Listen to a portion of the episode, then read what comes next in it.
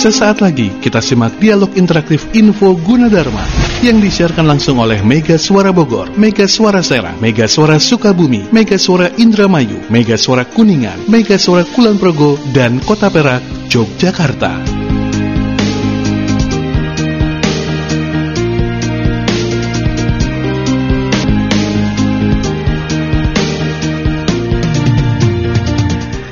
Assalamualaikum warahmatullahi wabarakatuh. Apa kabar uh, sahabat Megasara dan juga pendengar Yuji Radio serta pemirsa MGS TV dan juga Yuji TV. Kembali kita bertemu di Info Yuji untuk episode kali ini yang bisa Anda simak di 8 uh, eh, radio station network yaitu ada Megasara Serang, Megasara Bogor, Megasara Sukabumi, kemudian juga Megasara Kuningan, Indramayu dan juga Kulon Progo serta Kota Perak Yogyakarta. Serta tentu saja Yuji Radio dan juga uh, eh, MGS TV Sukabumi serta UGTV. Dan untuk uh, lebih lanjut, apa saja materi yang akan disampaikan di Info UG kali ini serta siapa narasumber kita di edisi kali ini, kita akan segera bergabung dengan rekan saya Alvin Permadi. Halo Alvin. Halo Yuda Buster. Iya, sehat dan segar terus ya. Alhamdulillah. Alhamdulillah. menjelang detik-detik terakhir. Iya, iya, iya betul. Perjuangan, nah. ya perjuangan. Di, perjuangan dan harus diperjuangkan ya. Oke. Okay. ya, selamat pagi juga Ibu yang sudah hadir di sana bersama rekan saya Alvin. Silahkan dilanjut untuk uh, materi info kali ini. Baik, terima kasih Yuda Buster dan rekan-rekan di tujuh stasiun radio Mega Suara Network. Apa kabar juga untuk uh, yang ada di UG Radio dan pemirsa yang ada di Sukabumi di MGS TV Sukabumi dan juga pemirsa yang ada di Jabotabek khususnya yang sedang menyaksikan UG TV. Hari ini kita jumpa lagi akan bincang-bincang seputar program doktor di Universitas Gunadarma karena yang hadir di kesempatan hari ini adalah beliau yang berkompeten untuk menjelaskan tentang program dokter khususnya untuk teknologi informasi. Ada Ibu Dr. Reni Dia Kusumawati SEMMSI. Udah berapa lama kita nggak ketemu ya Bu ya? Iya, sudah lama banget ya. 10 tahun ada? Eh, enggak ada. Enggak. Ya. Selama pandemi ya. Selama pandemi. Uh, selama masa pandemi gimana emang Bu kegiatannya kemarin? Selama dua tahun berarti ya? Selama dua ya? tahun, iya. Uh, lebih banyak kegiatan di rumah, tapi tetap hmm. kerja ya. Uh, pekerjaan tetap bisa dilakukan di rumah, kayak rapat-rapat uh, juga tetap bisa dilakukan. Hmm. Tapi tapi ternyata memang kegiatan-kegiatan selama pandemi juga tetap berjalan ya, terutama untuk uh, pembelajaran, tetap. kemudian penelitian, kemudian wisuda juga, tetap. sidang juga tetap ya. jalan ya. Walaupun dilakukan secara daring ya, tapi Betul. semua tetap berjalan. Hmm. Dan uh, hari ini saya pengen berbicara tentang program dokter karena saya juga minat nih jadi program uh, masuk ke program nah, dokter. Iya. Ditunggu ya. Iya. Bu Reni bisa jelasin nggak tentang tentang kegiatan Bu Reni selaku staf sekretariat rektor termasuk sekretariat program dokter khususnya untuk teknologi informasi. Baik, uh, di Gunadarma ada tiga program dokter ya. Ada program dokter ilmu ekonomi, hmm. program dokter teknologi informasi dan ilmu psikologi. Dan kebetulan saya ditempatkan di uh, sekretariat program dokter teknologi informasi. Hmm. Itu adalah uh, kegiatan-kegiatannya. Nah, sekarang kalau misalnya di sekretariat program dokter khususnya di uh, teknologi informasi selama masa pandemi kemarin juga gimana? Iya. Hampir sama kali. Uh, iya, selama pandemi perkuliahan tetap berjalan seperti biasa. Hmm. Terus uh, penerimaan mahasiswa baru juga tetap berjalan seperti biasa walaupun semua dilakukan secara daring. Hmm. Perkuliahan juga tetap dilakukan secara uh, daring.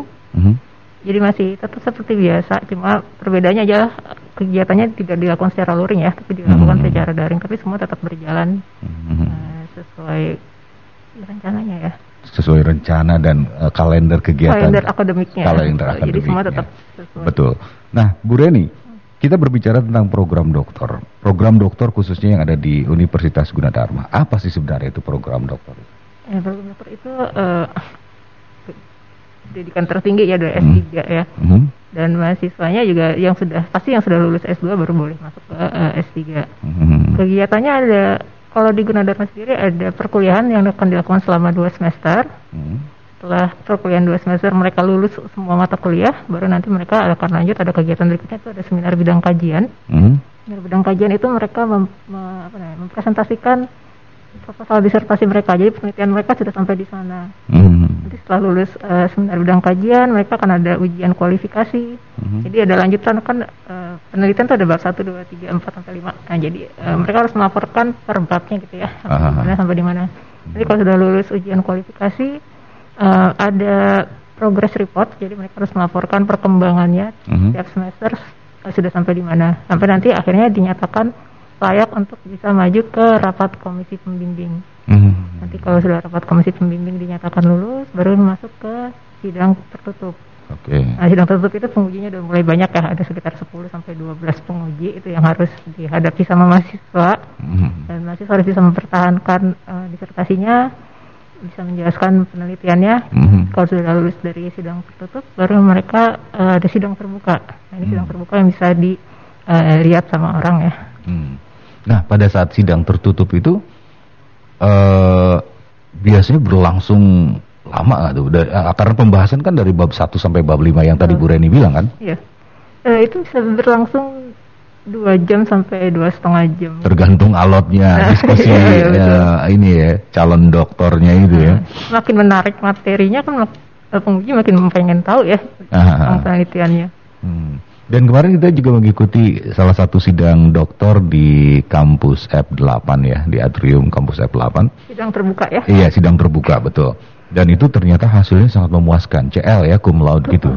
Dan konon kabarnya itu agak-agak jarang untuk didapatkan ya, ya, ya pada saat sidang terbuka. Memang begitu atau gimana? Ya, kalau cum laude itu selain nilainya yang harus bagus di atas 375, hmm. terus juga dilihat masa studinya. Jadi dia semakin cepat lebih baik ya. Biasanya hmm. uh, sekitar tiga tahun lulus, terus hmm. uh, nilainya bagus, biasanya akan jadi cum laude. Tapi hmm. memang jarang.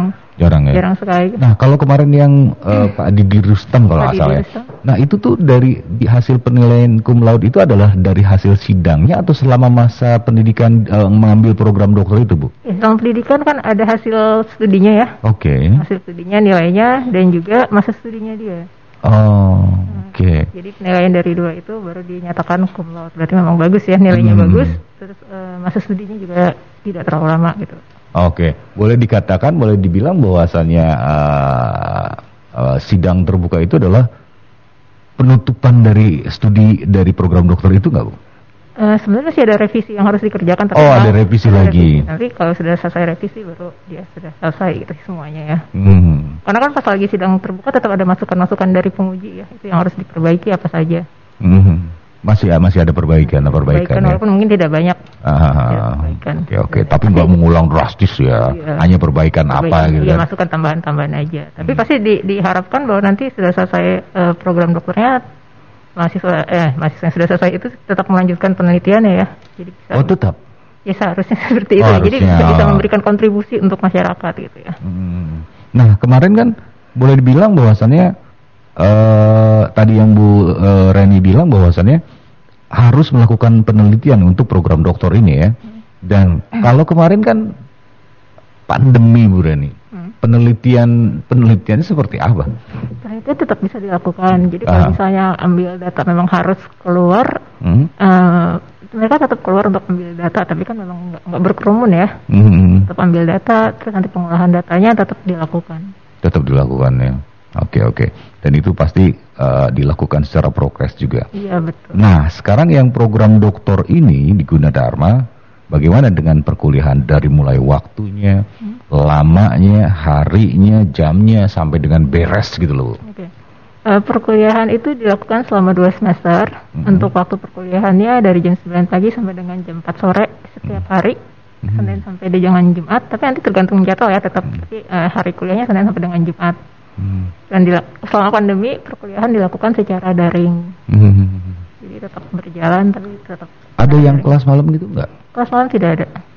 Jadi semuanya siang. Iya. Senin 9. sampai Jumat jam kerja pula gitu. iya jam 9 sampai dengan jam 4. Makanya memang uh, mahasiswa yang kuliah di sini yang S3 itu apa namanya ada ada wajib tinggal gitu ya. Jadi tetap harus mengikuti perkuliahan di jam itu. Hmm. Dan itu nggak bisa ditinggalin ya bu ya? Nggak bisa ditinggalin itu. Tapi kan memang nggak setiap hari ya. Hmm. Ya, tapi, walaupun Senin sampai Jumat tapi nggak tidak setiap hari. Nggak setiap hari ya. Nggak kebayangnya gini kan banyak biasanya ya ada yang mengejar apa?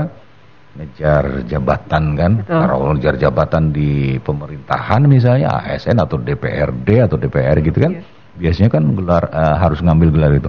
Nah, mereka kan kerja nih pagi. Bisa disesuaikan atau uh, harusnya pada saat mereka sudah memutuskan untuk kuliah itu ada izin belajar ya. Oke. Okay. Jadi uh, izin belajar betul. itu yang harus mereka dapatkan dari tempat kerjanya. Oke, okay. dan itu biasanya biasa, bisa ya, Bu ya. Bisa. Karena memang khusus untuk pendidikan ya. Iya betul. Sama ini sih tidak ada, ada kendala sih. Gak ada, banyak mahasiswa yang dari selain dari universitas ada juga dari uh, industri gitu ya. Mm -hmm. Mereka tetap bisa mengikuti. Iya ya, karena memang sudah ada kesepakatan atau perjanjian dengan perusahaan hmm, mereka masing-masing iya. ya. Jadi biasanya ada ada dari kantornya atau perusahaannya itu izin belajar. Oke oke. Kalau kampus khusus untuk program doktor ini ada di mana? Oke, kalau untuk yang uh, program dokter teknologi informasi ini hmm? kuliahnya di kampus Simatupang.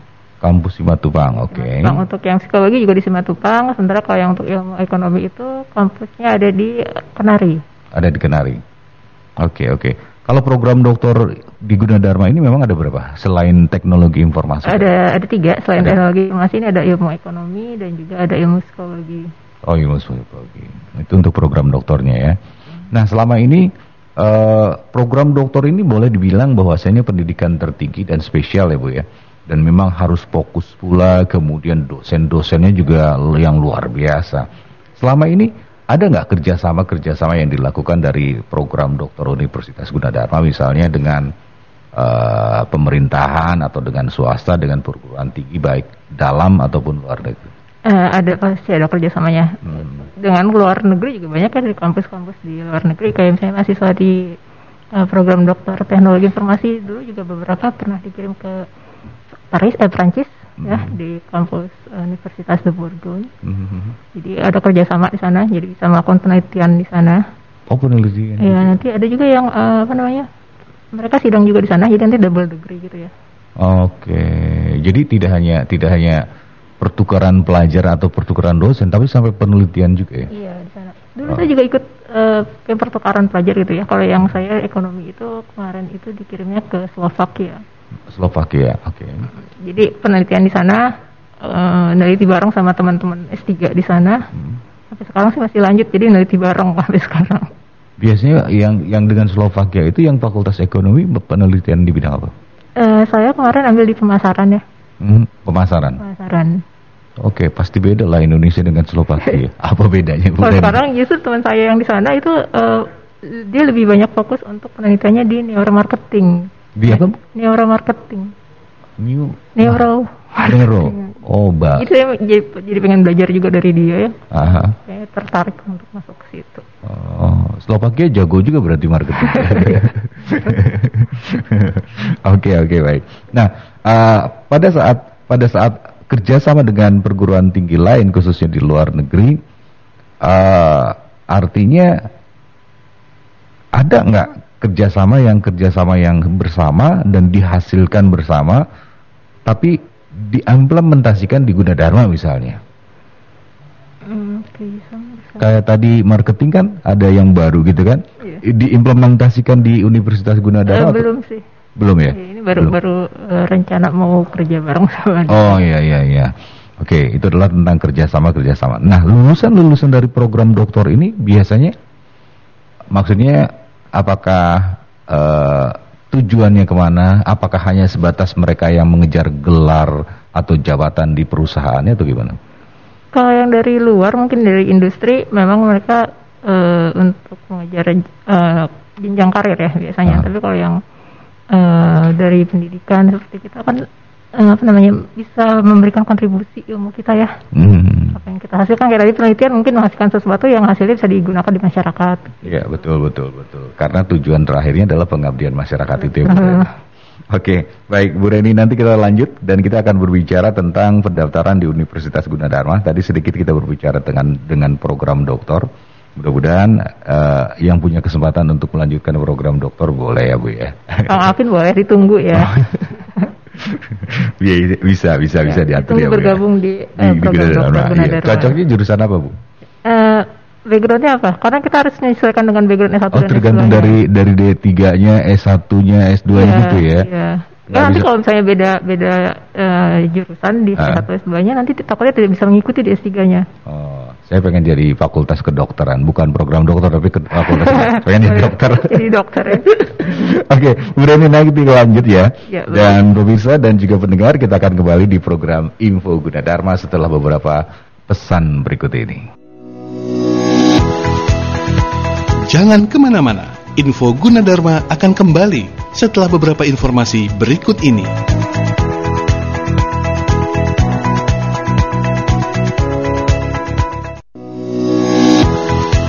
Kita kembali di Info Gunadarma.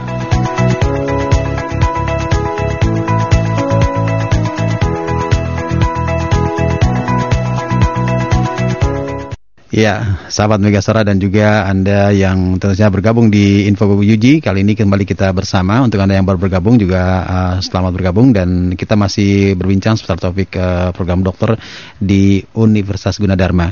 Dan untuk Anda sahabat Megasara yang tentunya juga saat ini mendengarkan, Anda bisa bergabung bersama kami untuk bertanya di WhatsApp 0811 112 1008. Dan kembali kita akan bersama rekan saya Alvin Permadi bersama narasumber kita di pagi ini. Alvin. Halo Yuda Basta. Ya. ya, silahkan kembali dengan sehat, uh, sehat masih sehat, alhamdulillah masih seger saya. ya iya kan. Soalnya baru cuci muka barusan ya, jadi seger ya. Oke, okay. jadi seger ya. Iya, Oke okay, baik, terima kasih Yuda Basta. Silakan. Dan kita lanjut dengan Ibu Dr. Reni Dia Kusumawati SEMMSI. Kita masih berbicara tentang tadi sudah kita bahas tentang program doktor di Universitas Gunadarma ternyata selain program doktor di Universitas Gunadarma, ada juga program-program studi lainnya, uh, ada program diploma, sarjana, magister, dan doktor. Tapi yang perlu kita ketahui tentang Universitas Gunadarma, sebenarnya ada berapa banyak sih Bu Reni? Ini kan Gunadarma, saya awalnya menyangka bahwasanya ah, Gunadarma mah pasti komputer, pasti IT. Ternyata masih ada tadi uh, kemarin juga sudah koas, Fakultas Kedokteran, ternyata ada psikologi juga, kemudian masih banyak yang lain-lainnya. Sebenarnya ada berapa banyak program studi di, di Gunadarma itu, Bu? Iya, karena memang mungkin awalnya dikenalnya sebagai berbasis TI ya. Iya benar. Kayak TI doang gitu. Padahal sebenarnya di dalam Gunadarma sendiri ada banyak uh, jurusan. Aha. Untuk D3-nya sendiri ada manajemen informatika, uh mhm. -huh. kemudian ada teknik komputer, ada akuntansi komputer, ada manajemen pemasaran dan juga manajemen keuangan. Itu untuk yang diploma 3 ya. Diploma 3 ada 6 berarti ya? Eh, lima, lima yang oh, iya, lima. kebidanan oh, kebid sudah S1. Oh, kebidanan hmm, S1 sekarang. Iya. Tadinya diploma kalau nggak salah ya. Oke, okay, siap. Kemudian yang untuk program S1-nya, uh-huh. untuk Fakultas Ilmu Komputer dan Teknologi Informasi ada jurusan Sistem Informasi dan Sistem Komputer. Uh-huh. Kemudian untuk Fakultas Teknologi Industri ada Informatika, ada Teknik Industri, Teknik Mesin, Teknik. Elektro, dan juga ada Agrotek sekarang ya. Agrotek. Kemudian di uh, Fakultas Teknik Sipil dan Perencanaan ada Teknik Sipil, Teknik Arsitektur, dan Desain Interior. Mm-hmm. Kemudian di Fakultas Ekonomi ada Akuntansi, Manajemen, dan Ekonomi Syariah. Ekonomi Syariah, ini baru kayaknya Bu ya? Baru, jadi kalau Mas Alvin mau ikutan ya, Ekonomi boleh, Syariah boleh ya. Kemudian di Fakultas Sastra dan Budaya hmm. ada Sastra Inggris, Pariwisata, dan Sastra Tiongkok. Oke. Okay, Kemudian untuk fakultas psikologi ada jurusan psikologi, untuk hmm. fakultas ilmu komunikasi ada ilmu komunikasi, hmm. kemudian juga ada fakultas kedokteran yang tadi Mas Alvin bilang mungkin tertarik jadi yeah. dokter bisa masuk ini ya fakultas kedokteran. Kemudian ada fakultas ilmu kesehatan dan farmasi itu adalah jurusan farmasi dan juga kebidanan ya. Oh yang tadi masuknya ke fakultas ilmu kesehatan dan farmasi, farmasi ya. Betul. Ada dua jurusan yaitu farmasi dengan kebidanan ya bu ya. Okay. Kemudian untuk yang paskanya, yang program S2-nya, uh-huh. untuk magister manajemen ada asuransi, perbankan, akuntansi pemerintahan atau sektor publik. Kemudian ada uh, magister manajemen sistem informasi, itu ada sistem informasi bisnis, sistem informasi akuntansi, dan PLSI, perangkat lunak sistem informasi ya. Uh-huh. Kemudian uh, untuk magister teknik elektro ada elektronika device, ada elektronika telekomunikasi, ada teknik kontrol industri, Kemudian untuk magister teknik mesin ada manajemen rekayasa manufaktur. Uh-huh. Untuk magister uh, teknik sipil ada man manajemen rekayasa infrastruktur.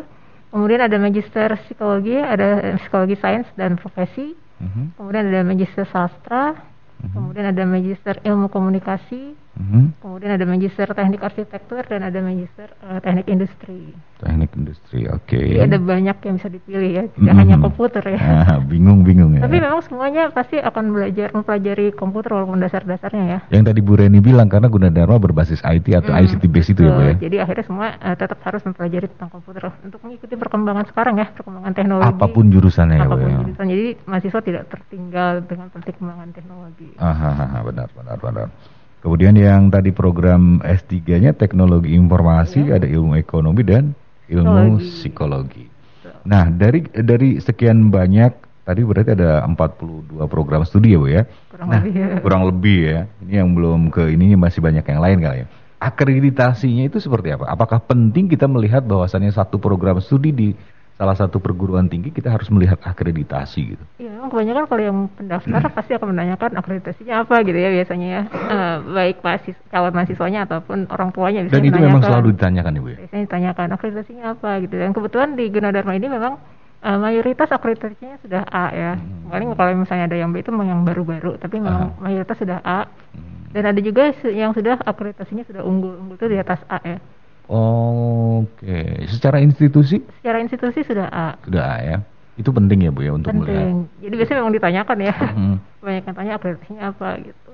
Akreditasi secara program studi atau secara uh, institusi yang di yang kebanyakan ditanyakan memang uh, program studi karena mereka mungkin mau ambil uh, ekonomi misalnya untuk program studi akuntansi misalnya uh, akreditasinya apa ya biasanya suka gitu kan ya tanya. Hmm, oke oke oke.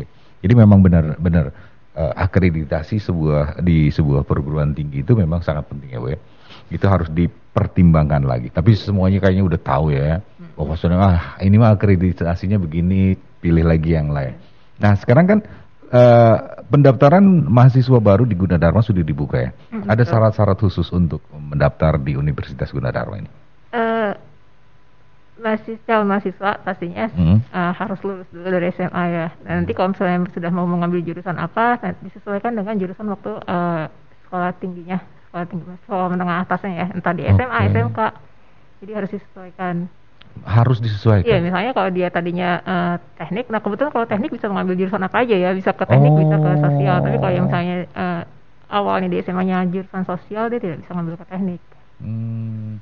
Tapi kalau misalnya saya jurusan sosial misalnya, hmm. tapi pengen belajar tentang ilmu komputer, nggak bisa tetap ya? Kalau sosial masih bisa untuk ambil sistem informasi ya. Oh, masih tapi bisa. dia uh, pada saat tes atau pada saat dilihat nilai rapotnya, grade-nya harus tinggi, harus yang AA.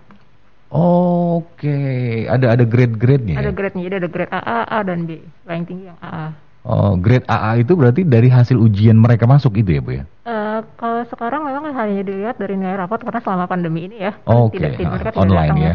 Hmm. Jadi mereka pada saat mengisi formulir, mereka juga harus mengisi nilai rapot dua semester terakhir dan juga mengupload nilai rapot. Jadi pada saat nanti uh, kita cek, mereka nggak hanya asal isi, nah ini bagus gitu, tapi oh. kan di nilai rapotnya juga harus diupload. Jadi kita kita cek isian mereka dengan uh, rapot yang sudah diupload sesuai nggak. Hmm itu nanti kita bisa tahu uh, mereka bisa masuk di grade apa.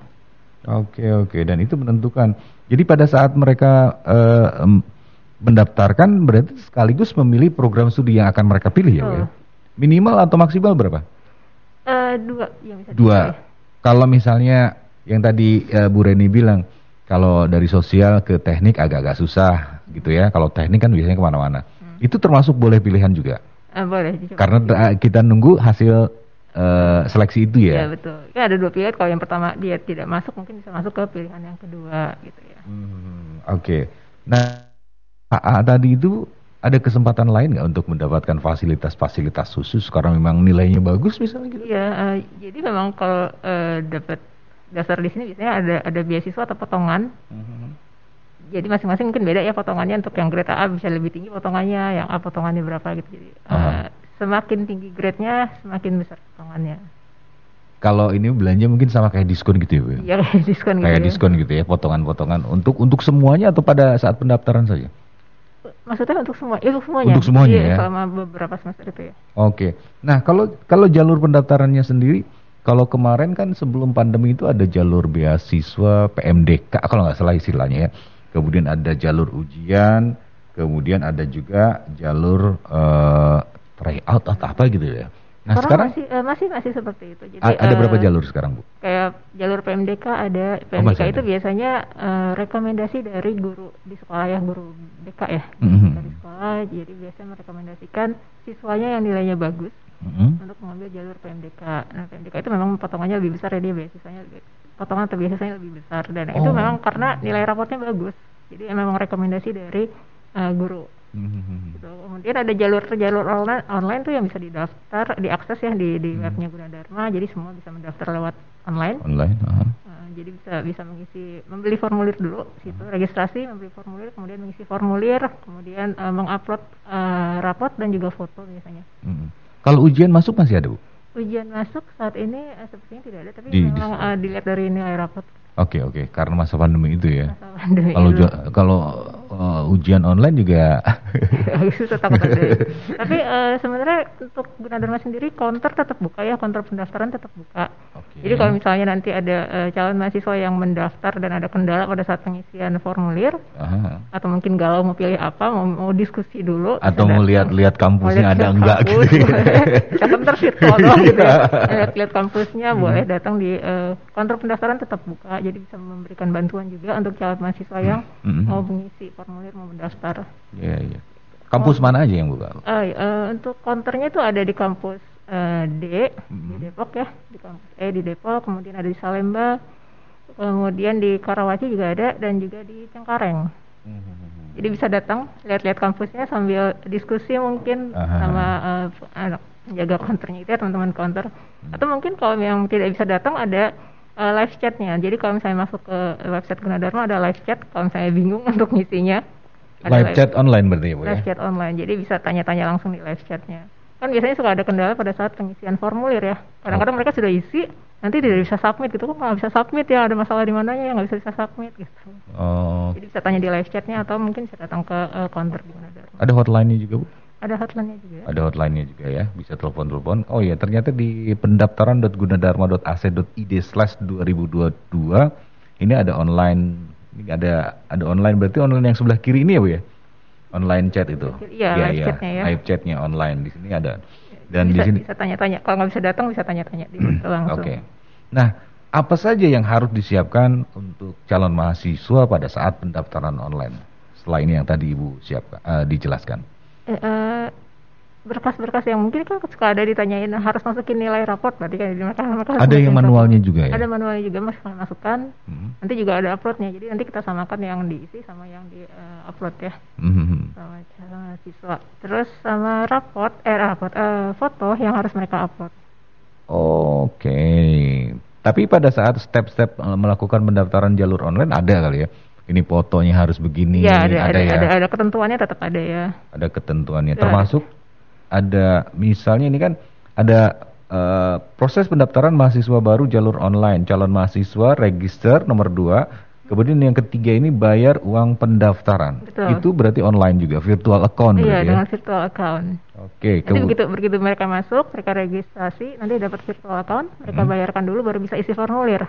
Jadi kalau belum dibayarkan, mereka belum bisa isi formulir ya. Oh. Itu kan untuk pembayaran uh, biaya formulir ya. Jadi mereka bayar virtual account, nanti sudah masuk pembayarannya baru mereka bisa isi formulir. Oke, jadi uh, register ini hanya register sementara. Jadi setelah... kayak punya akun gitu nah, ya. Akun. betul. Setelah dapat akun baru bisa melakukan uh, mengisi formulir. Setelah pembayaran. Eh setelah pembayaran yang melalui virtual account iya, ya pembayaran baru nanti isi formulir. Nah, biasanya kendalanya itu pada saat uh, submit pengisian formulir. Jadi kadang-kadang suka nggak dibaca gitu ya ketentuannya kayak misalnya uh, tidak boleh ada eh, simbol-simbol uh, yang masuk gitu. Kadang-kadang mereka main masuk masukin atau alamatnya nggak boleh terlalu panjang misalnya. Oh. Jadi kadang-kadang itu yang bikin uh, mereka tidak bisa submit formulirnya. Jadi kadang-kadang ini saya udah isi tapi nggak bisa bisa submit gimana ya kayak gitu. Karena karena yang faktor-faktor yang Bu -hmm, Jadi ada ketentuan-ketentuan yang mungkin mereka kelewat untuk membacanya ya tetap itu nggak bisa submit ya. Tidak bisa. Makanya itu ada ada live chat yang mungkin bisa ditanyakan kendalanya apa sih gitu. Mereka bisa bisa di, e, ditanyakan kendalanya apa nanti kita bisa cek. Oh kendalanya saya mereka salah isi di sininya atau mungkin e, pada saat upload mungkin upload foto yang harusnya misalnya cuma boleh 2 gig 2 mega misalnya. Hmm. nah itu mereka melewati batasnya itu kan juga tidak bisa disubmit oke okay, oke. okay. Nah, ini uh, yang register, kemudian pendaftaran, uh, uh, pembayaran uang pendaftaran. Nah, pada saat register nih Bu Ren, hmm. kita dapat email atau dapat apa untuk untuk untuk uh, misalnya kan takutnya nanti ada pengumuman pelusan gue nomor berapa ya pendaftarannya atau registrasinya ada di situ atau gimana? Uh, pada saat kita masuk kita registrasi itu kita sudah punya akun. Nanti kalau misalnya sudah isi formulir, sudah upload rapotnya itu bisa dicek secara berkala hasilnya. Itu itu akun khusus calon mahasiswa ya, baru. Jadi uh, mereka bisa pakai uh, akunnya mereka itu untuk mengecek secara berkala ya pengumumannya hmm. entah itu pengumumannya atau apa hmm, belangko pembayaran mungkin yang sudah taruh di situ jadi harus dicek secara berkala sendiri ya dicek sendiri ya, secara uh, berkala. Uh, uh, uh. Tapi biasanya kita juga mengingatkan jadi ada dikirim uh, pesan lewat WhatsApp mengingatkan uh, batas pembayarannya si anak ini tanggal berapa sih? Takutnya kan mereka nggak ngecek misalnya. Iya iya benar. Punya akun tapi nggak pernah dibuka-buka misalnya. Uh, uh, uh. kita bantu mengingatkan lewat uh, pesan di WhatsApp misalnya. Oke okay, oke. Okay. Jadi segala macam informasi akan disampaikan melalui berbagai media ya bu ya. Hmm. Oke, okay, Bu Reni nanti kita lanjut dan kita pengen tahu juga apakah di Gunadarma kalau tadi kan di pembukaan tentang pendaftaran ada juga ada juga bukan diskon artinya potongan khusus untuk pendaftar. Eh apa? Untuk mahasiswa baru yang nilainya bagus, berarti perhatiannya. Nanti kita juga akan tahu apakah selama masa perkuliahan akan mendapatkan beasiswa dan lain sebagainya, tapi nanti kita jelaskan ya Bu ya. Pemirsa dan juga pendengar, kita akan kembali di informasi Gunadarma di kesempatan hari ini. Kita masih punya waktu sampai pukul 10 waktu Indonesia Barat. Dan jangan ke mana-mana, tetap di Info Gunadarma. Jangan ke mana-mana, Info Gunadarma akan kembali setelah beberapa informasi berikut ini.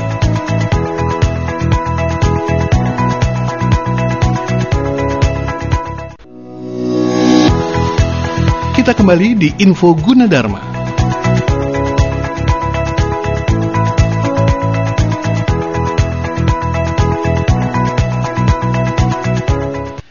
Ya, pendengar juga pemirsa sekalian, kita masih di Info Gunadarma dan sekarang sudah masuk ke segmen akhir perbincangan kita di edisi kali ini. Dan tentu saja mudah-mudahan Anda masih semangat ya. Kita kembali ke rekan Alvin untuk melanjutkan perbincangan kita dengan narasumber kita. Halo Alvin. Halo, ya. Buster. Masih sehat? masih semangat kan? Masih. Alhamdulillah. Puasa tapi masih semangat ya. Silakan dilanjutkan. Baik, terima kasih Yuda Buster. Kita masih bersama Ibu Dr. Reni Dia Kusumawati SE MMSI. Beliau, beliau ini adalah staf sekretariat rektor sekaligus sekretariat program doktor teknologi informasi. Tadi sudah kita bahas tentang proses pendaftaran mahasiswa baru secara online yang disesuaikan dengan uh, masa pandemi saat ini dan disesuaikan dengan protokol kesehatan. Tapi juga uh, jika mau main-main, mau lihat-lihat juga boleh. Tapi yang jelas pendaftaran ini dilakukan di jalur online melalui pendaftaran.gunadarma.ac.id. Ini awal pendaftarannya login atau apa nih Bu? Uh, register dulu. Oh, register sudah dulu. register sudah punya akun baru bisa login. Register di di, di pendaftaran ini ya? Iya di, betul. Oke okay, oke. Okay. Nah sekarang tadi misalnya sudah sudah mengisi formulir, kemudian sel, peng, peng, ada proses yang kelima nih Bu, uh, pengumuman seleksi. Hmm. Itu gimana prosesnya? Uh, pengumuman seleksi sebenarnya kalau masing-masing sudah punya akun uh nanti uh, hasilnya di, ditampilkan juga di akunnya. Oke. Okay.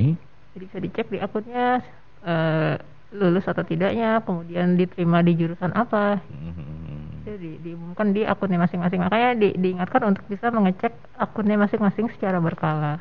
Oke. Okay. Setelah pengumuman seleksi baru melakukan pembayaran uang kuliah. Nah, uang kuliah kan tadi yang tadi Ibu Reni bilang karena dia mendapatkan grade AA gitu. Itu langsung secara otomatis ada tagihannya atau bukan tagihan artinya blanko ya? blanko yang harus dibayar itu langsung keluar juga? Iya ada keluar juga di akunnya masing-masing. Hmm, dengan virtual account lagi nanti iya, ya. nanti mereka dikasih di blankonya itu akan tercantum virtual accountnya. Hmm. kapan mereka harus bayar paling lambat nanti bisa langsung bayar lewat virtual accountnya. Oh nggak harus langsung lunas gitu ya? Uh, maksudnya eh, lunas tetap lunas tapi kan ada ada jangka waktunya ya, jangkaunya artinya, itu berlaku sampai tanggal berapa. Oh. Jadi nggak nggak begitu pengumuman langsung harus dibayar saat itu juga. Bayarannya. Takutnya kan mau ke ATM dulu gitu ya. Iya betul. Kemudian ada daftar ulang online. Daftar ulang online ini setelah? Setelah pembayaran. Pembayaran ya. Data uh, daftar ulang online ini prosesnya? Nanti kalau sudah data uh, sudah diterima sudah pembayaran jadi kan di upload juga tuh uh, bukti bayarnya sama si penda, calon mahasiswa uh, itu. Kemudian dia nanti daftar, uh, daftar ulang itu nanti kalau sudah daftar ulang baru dinyatakan dia resmi jadi uh, mahasiswa Gunadarma. Jadi nanti pada saat daftar ulang dikasih tahu kapan sih jadwal dia untuk orientasi gitu. Jadi pengenalan pengenalan kampus. Oke. Okay. masih dilakukan secara online ya pengenalan kampusnya. Jadi hmm. nanti ada paparan dari orang orang-orang dari Gunadarma ya. Hmm. dari bagian kemahasiswaan biasanya ada paparan uh, penjelasan tentang Gunadarma tentang apa saja sih yang ada di Gunadarma, fasilitasnya, perkuliahannya dan sebagainya. Oh, itu masuk di orientasi. Iya, jadi kayak pengenalan kampus gitu ya. Itu setelah daftar ulang ya, Bu ya? Iya, jadi nanti pada saat daftar ulang akan dikasih jadwal. Oke. Ini kan kampusnya yang tadi Bu Reni bilang ada di mana-mana. Nah, kalau untuk calon mahasiswa baru yang sudah melakukan daftar ulang secara online dan menjadi mahasiswa Universitas Gunadarma, kuliahnya di mana kita? Ada juga keterangannya. Uh, pada saat dia mengisi formulir sebenarnya bisa langsung dipilih. Jadi dia mau kuliahnya Oh, pilih, di awal pendaftaran iya, sudah ya. Jadi di formulir ada pilih lokasinya. Jadi misalnya mau ambil jurusan uh, sistem informasi misalnya, saya mau ambil hmm. sistem informasi di Karawaci misalnya, nanti ada pilihannya di Karawaci atau mau di Depok pilih di Depok atau di uh, Kalimalang gitu ya, DJ pilih hmm. di Kalimalang. Jadi dari awal sudah menentukan dia mau lokasinya oh, di mana. Oh, pada saat uh, pendaftaran uh, pelengkapan formulir tadi ya. Pada saat pengisian formulir. Oke, di daftar ulang online sih nggak perlu karena sudah secara otomatis ya, Pada saat pengisian formulir. Walaupun kalau sekarang masih kuliahnya uh, sekarang hybrid ya kuliahnya. Hybrid itu gimana maksudnya? Hybrid itu ada uh, online eh online daring dan luring gitu ya. Jadi di, di digabung Oh daring ada, online juga eh ada, luring juga luring ada. Luring juga. Jadi ada beberapa mata kuliah yang uh, sudah bisa dilakukan secara luring. Jadi walaupun luring tapi tetap ada mahasiswa yang um, mengikutinya dengan daring. Ah. Jadi karena kan dalam satu kelas tidak boleh full ya, kapasitasnya okay. tidak boleh terisi full. Jadi biasanya setengahnya. Hmm. Bagiannya misalnya di minggu ganjil uh, mahasiswa yang ada di absen ganjil yang masuk, minggu genap mahasiswa yang absen genap masuk. Hmm. Jadi uh, kapasitas kelas tidak terisi penuh, tetap mengikuti uh, prokesnya ya. Mm-hmm. Kemudian juga kampus menyediakan uh, peralatan untuk untuk bisa melaksanakan perkuliahan secara hybrid itu ya. Sediakan kayak handphone, terus mm-hmm. tripod, mm-hmm. terus juga ada uh, infocus untuk pengajaran. Jadi tetap bisa dilaksanakan hybrid, mm-hmm. luring dan daring. Udah udah udah udah seperti kuliah biasa aja gitu, yang daring. Gitu. belum terisi full ya. Mm-hmm. Jadi memang uh, sudah dilakukan hybrid seperti itu dan mahasiswa kayaknya antusias ya untuk hmm. luring mungkin karena sudah lama Iyalah, ya, daring uh. jadi uh, pada saat ada perkuliahan luring antusiasnya uh, tinggi tapi itu disesuaikan dengan dengan uh, keinginan mahasiswa juga nggak tuh misalnya ya, karena kan wah orang tuanya nggak boleh nih kamu jangan pokoknya jangan dulu kuliah gitu masih masih iya, diperbolehkan ya, boleh, boleh. jadi memang uh, di awal sebelum uh, perkuliahan itu mahasiswa diminta untuk mengupload surat izin dari orang tua. Jadi ada tanda tangan oh, orang tua okay. yang mengizinkan mahasiswanya eh, anaknya boleh ikut uh, perkuliahan luring misalnya. Hmm. Kalau tidak ada surat itu memang tidak bisa karena memang sebelumnya harus upload surat izin dari orang tua. Oh, untuk mengikuti hybrid ini. Nah, karena mungkin dari luar kota agak susah ya untuk. iya. Saya, saya pernah ngajar waktu itu uh, ada mahasiswa dari Papua. Nah, lo. nah itu jadi dia masih uh, masih di sana karena memang dia takut masih dengan uh, masalah covid atau karena terlalu jauh atau gimana? Mungkin belum dapat izin juga dari orang iya, tuanya, iya. jadi datang. Dan itu langsung di Papua juga dia yang ikutnya ya? Iya, di Papua. Oh, saya pernah ngajar yang dari Papua ini jam setengah empat sore. Hah? Saya nggak tahu kalau dia dari Papua awalnya. Saya izin bu, saya izin sholat maghrib. Saya bingung setengah empat sholat maghrib. Kamu di mana? Saya di Papua bu. Oh. saya baru tahu. Jadi oke okay, selanjutnya pertemuan berikutnya saya agak mundurin waktunya jadi dia sholat maghrib dulu Oke, okay. oh, gitu. Jadi ya. ternyata Gunadarma sampai sejauh itu iya, kenal iya. ya, sampai ada dari Papua. Iya, sampai Papua dan salah juga bang pengaturan jadwalnya. Oke, okay, sekarang yang tadinya calon mahasiswa di Gunadarma sekarang sudah menjadi mahasiswa Gunadarma. Apa yang akan mereka peroleh selama masa kuliah di Universitas Gunadarma? Dari mulai fasilitasnya, kemudian beasiswanya, kemudian mungkin yang lain-lainnya di Gunadarma ada beasiswa yang bisa didapat sama mahasiswa yang punya nilai bagus ya berprestasi pastinya. Ada prestasi akademik dari uh, Gunadarma hmm. dan juga ada non akademik non akademik itu mungkin kayak seperti uh, dia ada prestasi di olahraga misalnya kan itu disupport okay. juga ya. Sama Gunadarma ada catur mungkin ada basket segala macam itu yang kalau ada prestasinya akan disupport dan dapat beasiswa. Hmm. jadi ada akademik dan juga non akademik kemudian juga mungkin ada beasiswa dari uh, pemerintah kayak bidik misi seperti itu Oh beasiswa ini macam-macam. Hmm. ada dapat macam-macam ya. Ya dari dari Gunadarma sendiri, kemudian dari Dikti, dari Bidik Miksi dan lain sebagainya ya.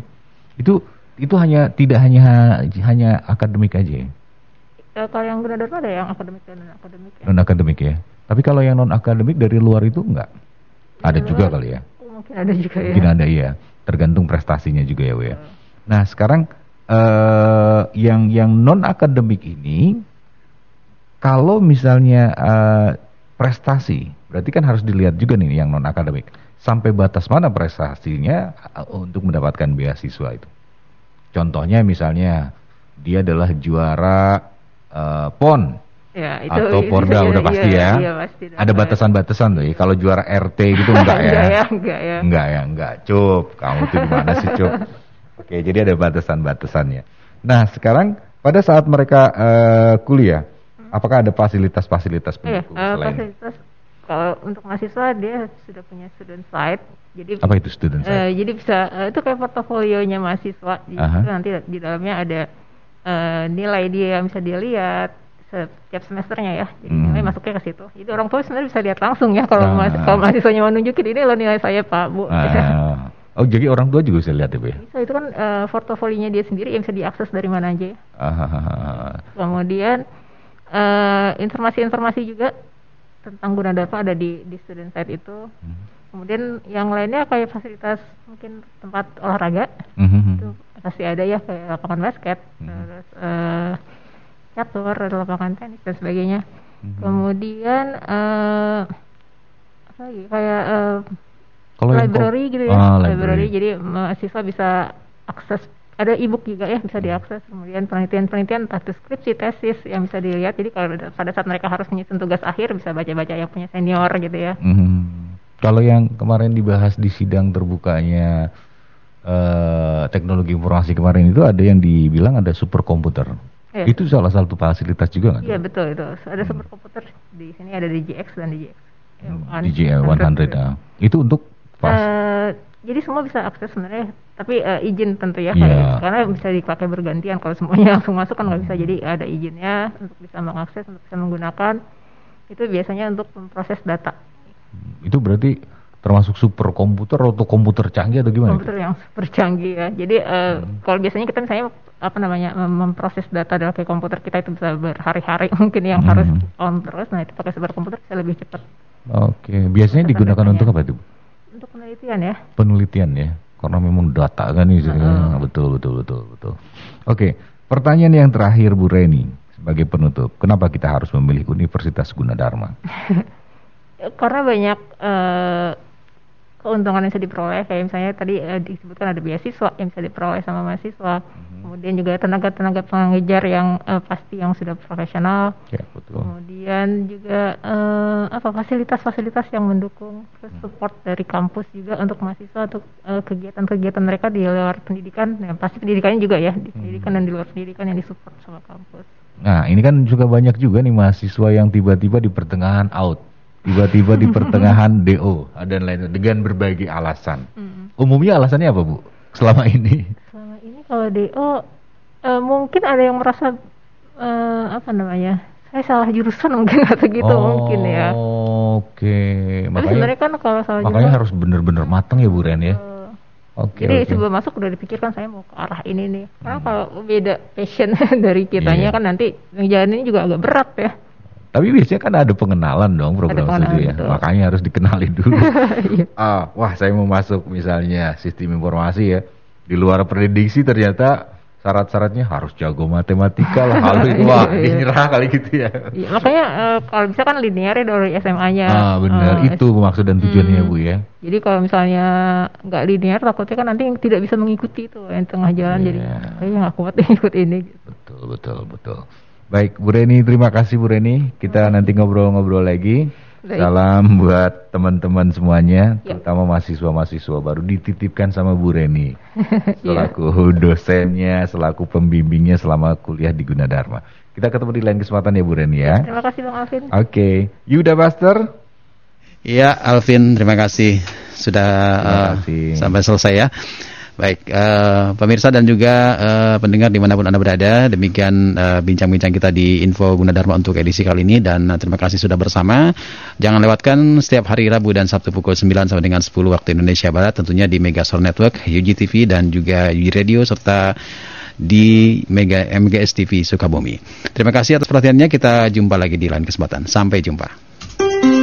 Baru saja kita simak info Gunadarma yang disiarkan langsung oleh Mega Suara Bogor, Mega Suara Serang, Mega Suara Sukabumi, Mega Suara Indramayu, Mega Suara Kuningan, Mega Suara Kulon Progo, dan Kota Perak, Yogyakarta. Dengarkan terus info Gunadarma di Mega Suara Network setiap hari Rabu dan Sabtu jam 9 pagi.